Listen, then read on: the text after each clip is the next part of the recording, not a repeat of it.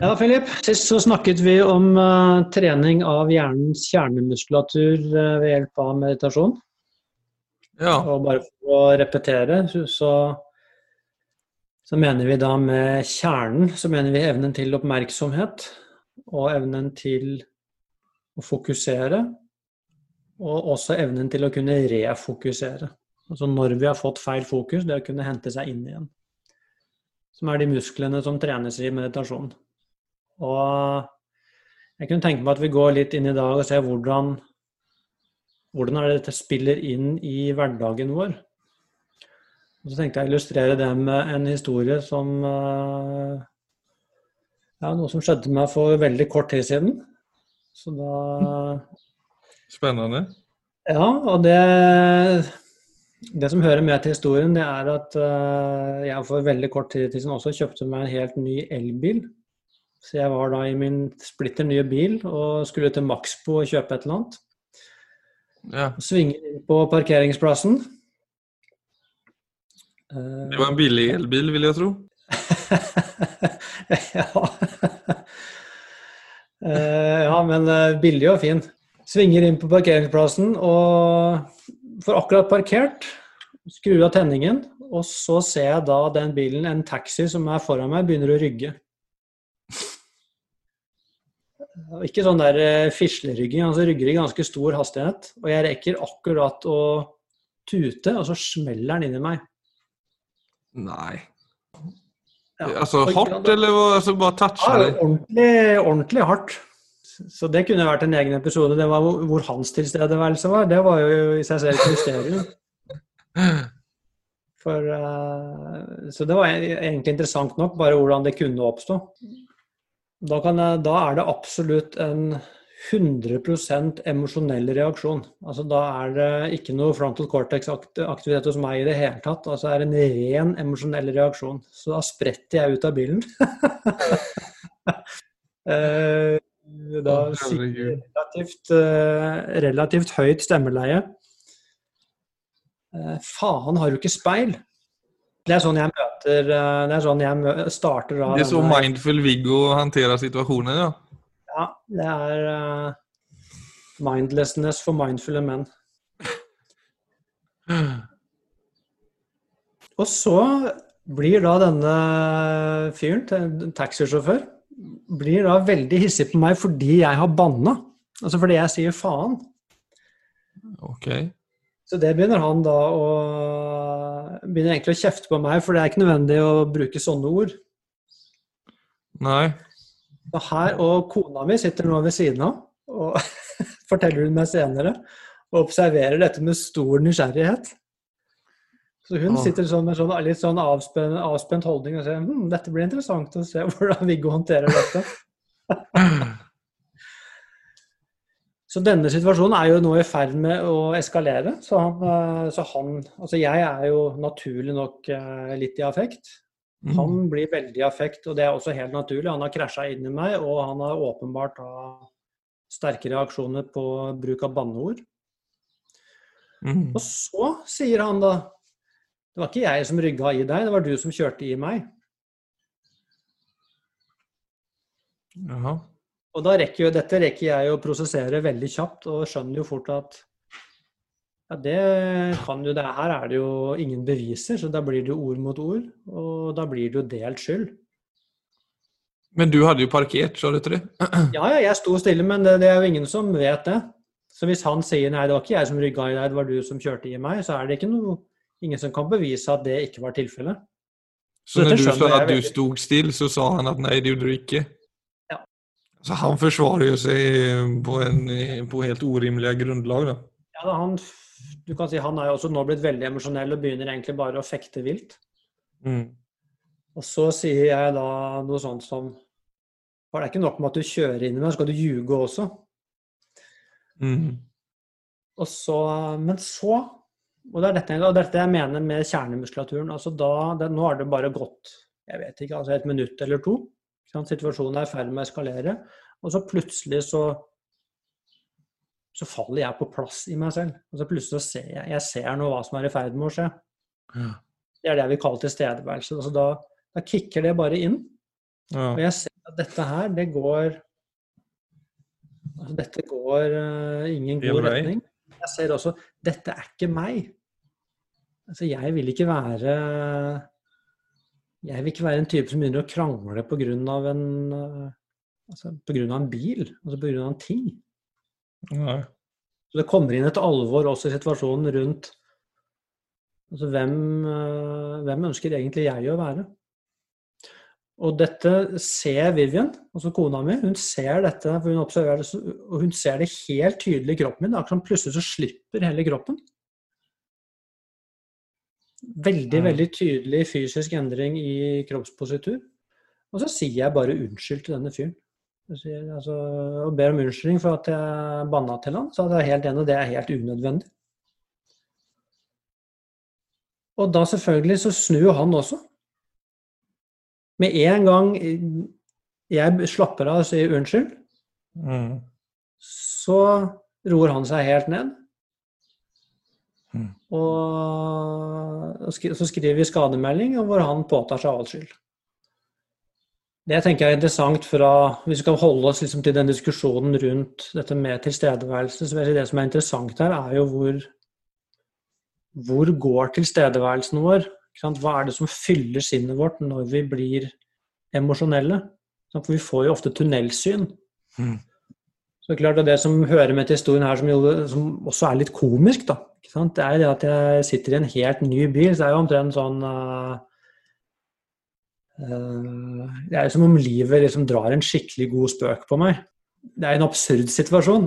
Noen rygger rett inn i det. det er, og det er en ganske stor bil. altså Det er som det er en, et svært hus bak der.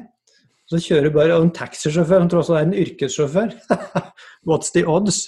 Og smeller inn, og så er det sånn Da skal vi se liksom hva, hva Viggo er god for. Og jeg må jo si det sånn fra Men Mener du at det da kom som en naturlig reaksjon, eller var det noe du bør reflektere over innan du liksom kom til den innsikten? Nei, jeg vil si at det er en Eller var det et resultat av at du har en godt forankret liksom, tilstedeværelse? Definitivt.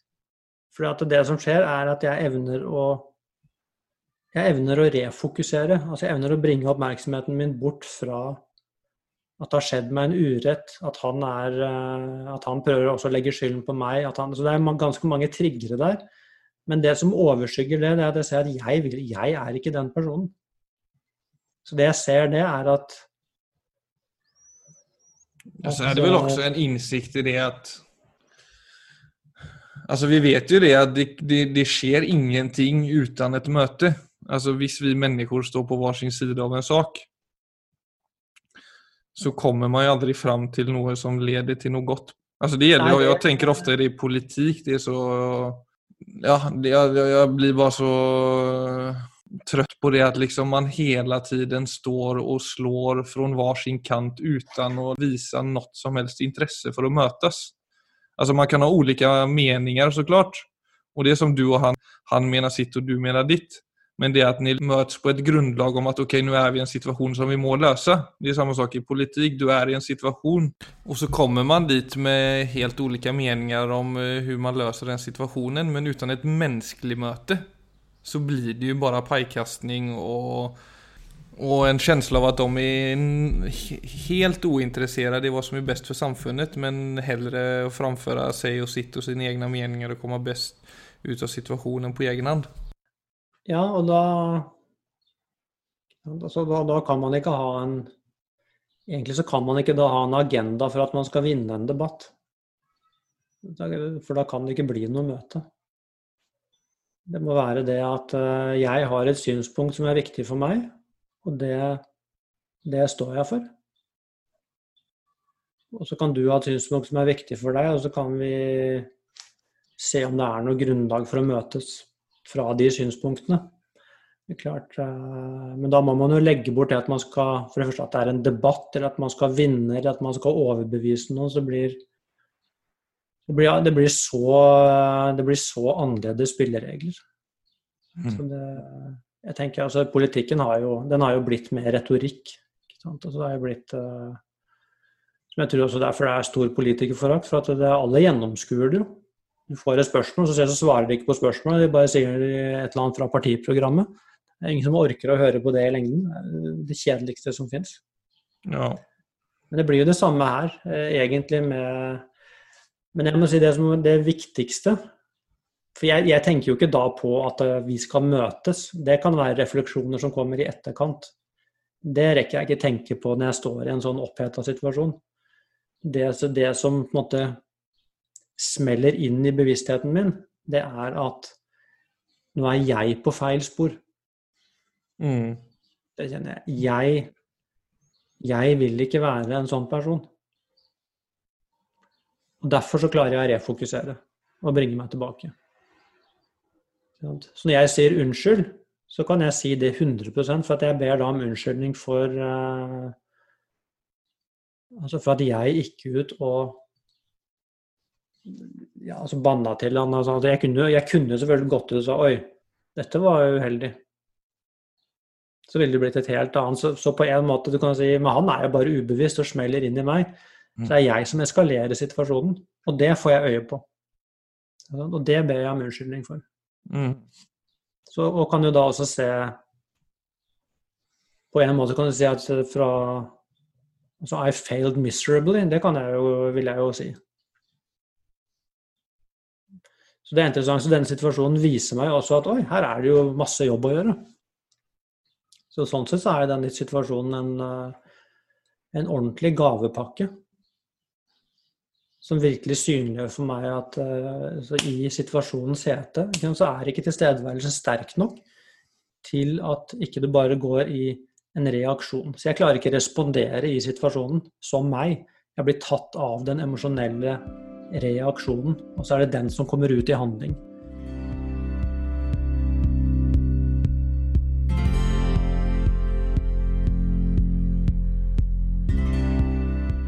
Det vi snakket om eh, precis var ju lite det där med å reagere på impuls.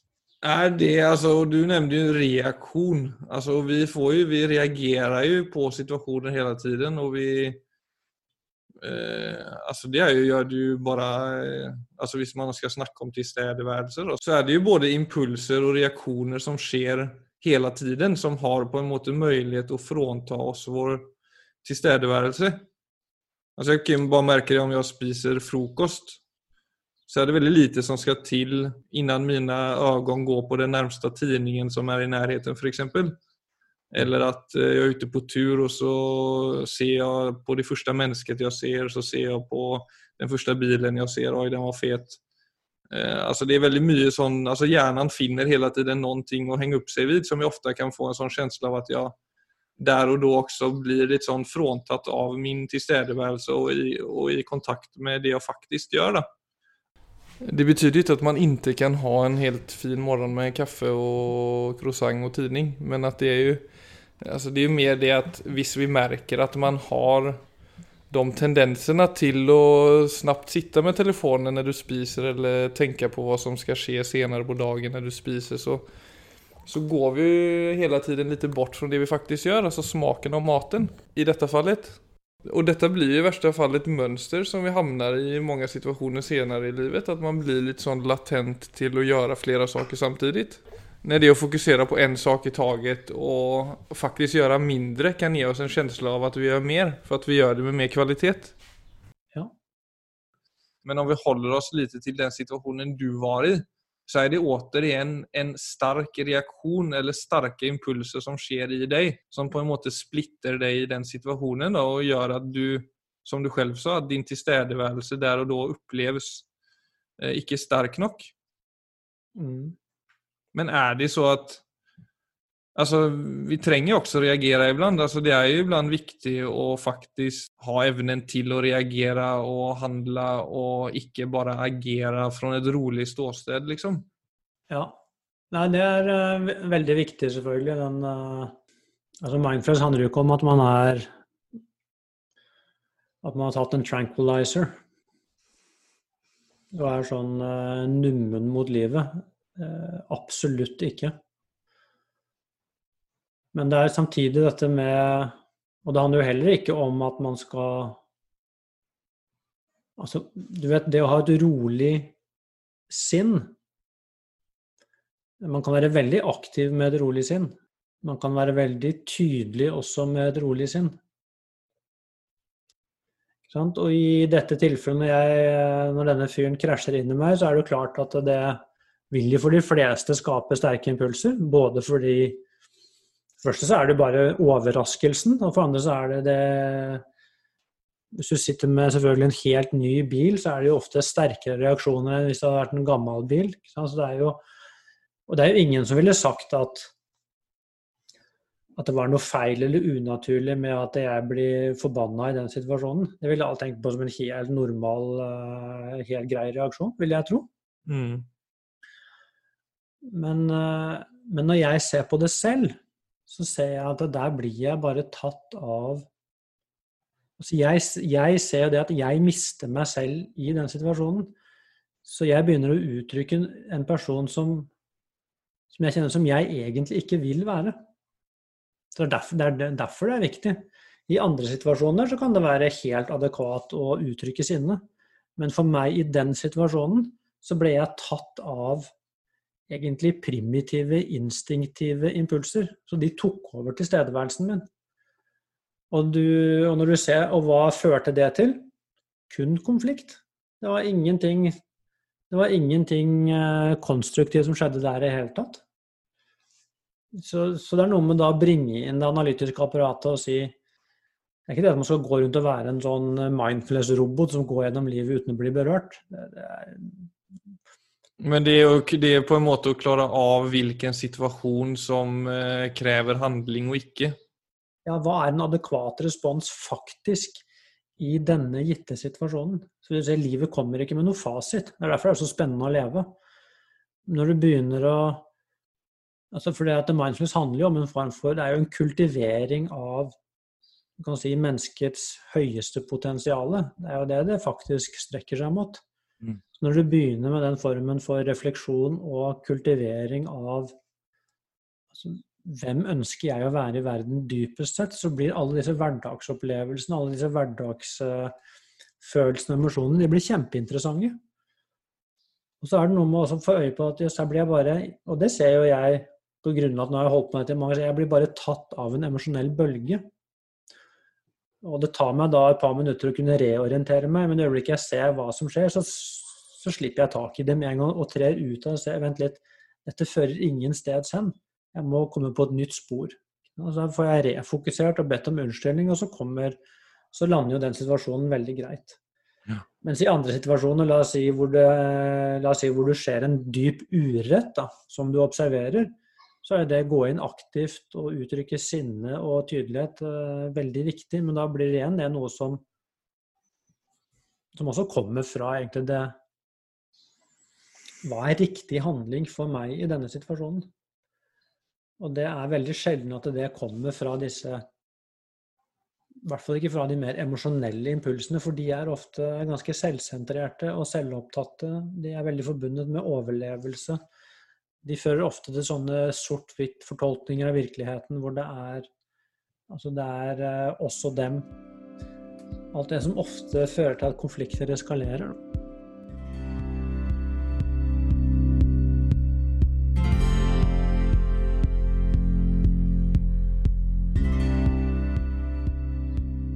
Så du kan si Det er ikke noe, poeng å skulle være den altså det, Når vi hører ro, så hører jo vi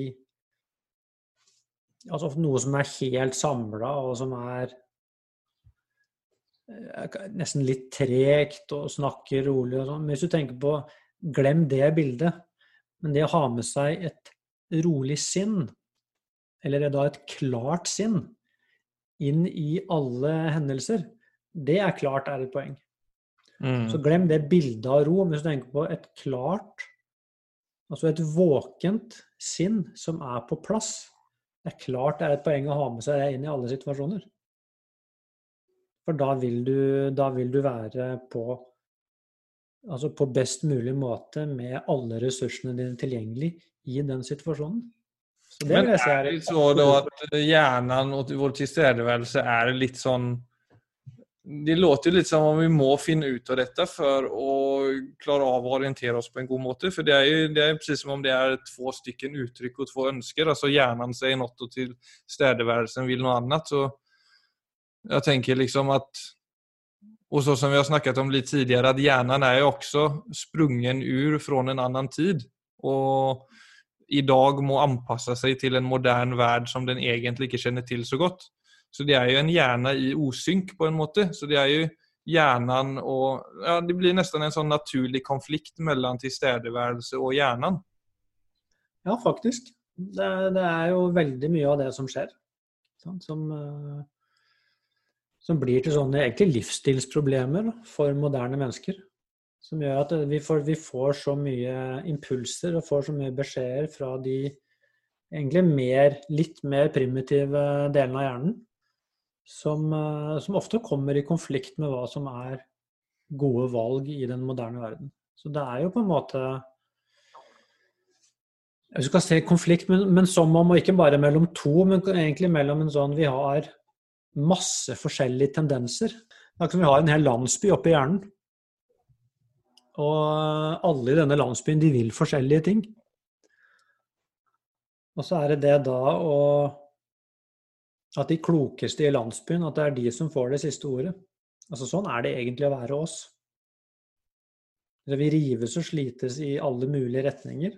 Og så er det spørsmålet hva er det som hva er det som får oss inn i handling? Hvem er det som vinner på en måte da, av alle disse tendensene? Hvem er det som vinner? Og den som vinner, det må jeg leve konsekvensen av. Og det syns jeg personlig er utrolig spennende. Er, eh, men selvfølgelig også kjempeviktig. Du, akkurat som du sa, det, ja, jeg vil jo si dette er utrolig viktig å finne ut av. Men det er minst like viktig å se det med at negative følelser ofte er dominerende framfor positive følelser. Alltså utifrån hvordan hjernen fungerer. At vi, så som om vi står inför et hot så prioriteras det framfor å spise noe godt eller eh, sova eller ha sex eller alltså all, allt det där som ju är viktigt för vår, eller som har hela tiden varit viktigt för vår överlevnad också, men som du kan utsette. Mens et hot er på en måte helt umulig for oss å bortprioritere. Ja, vi er programmert sånn. Men, men uh, igjen, da, så er det jo er, det er som en maskin som er programmert på en spesiell måte. Men så tilhører det også den maskinen at den har et overblikk på seg selv. Og det er tilstedeværelsen. Mm. Så når alle disse signalene kommer som egentlig tilhører evolusjonen, når de begynner å fyre av, så er de vår mulighet til å refokusere. Og ikke gi dem så mye oppmerksomhet. For de har ikke så mye å si eh, i vår tid. Der ligger jo vår evne til selvledelse. Så selv om vi er programmert altså Hjernen har en negativitetsbias, som betyr at, eh, at negative følelser eh, har en sterkere impact på hjernen enn positive, så er det i vår mulighet i dag å snu på det. Så vi er ikke dømt til å leve med mer negative følelser enn positive. Men vi har det med oss fra evolusjonen. Det er det jeg mener med kjernemuskulaturen. Det er den som kan rydde opp i dette, sånn at vi At ikke du bruker mer tid på altså negative tanker og følelser enn det som er strengt nødvendig.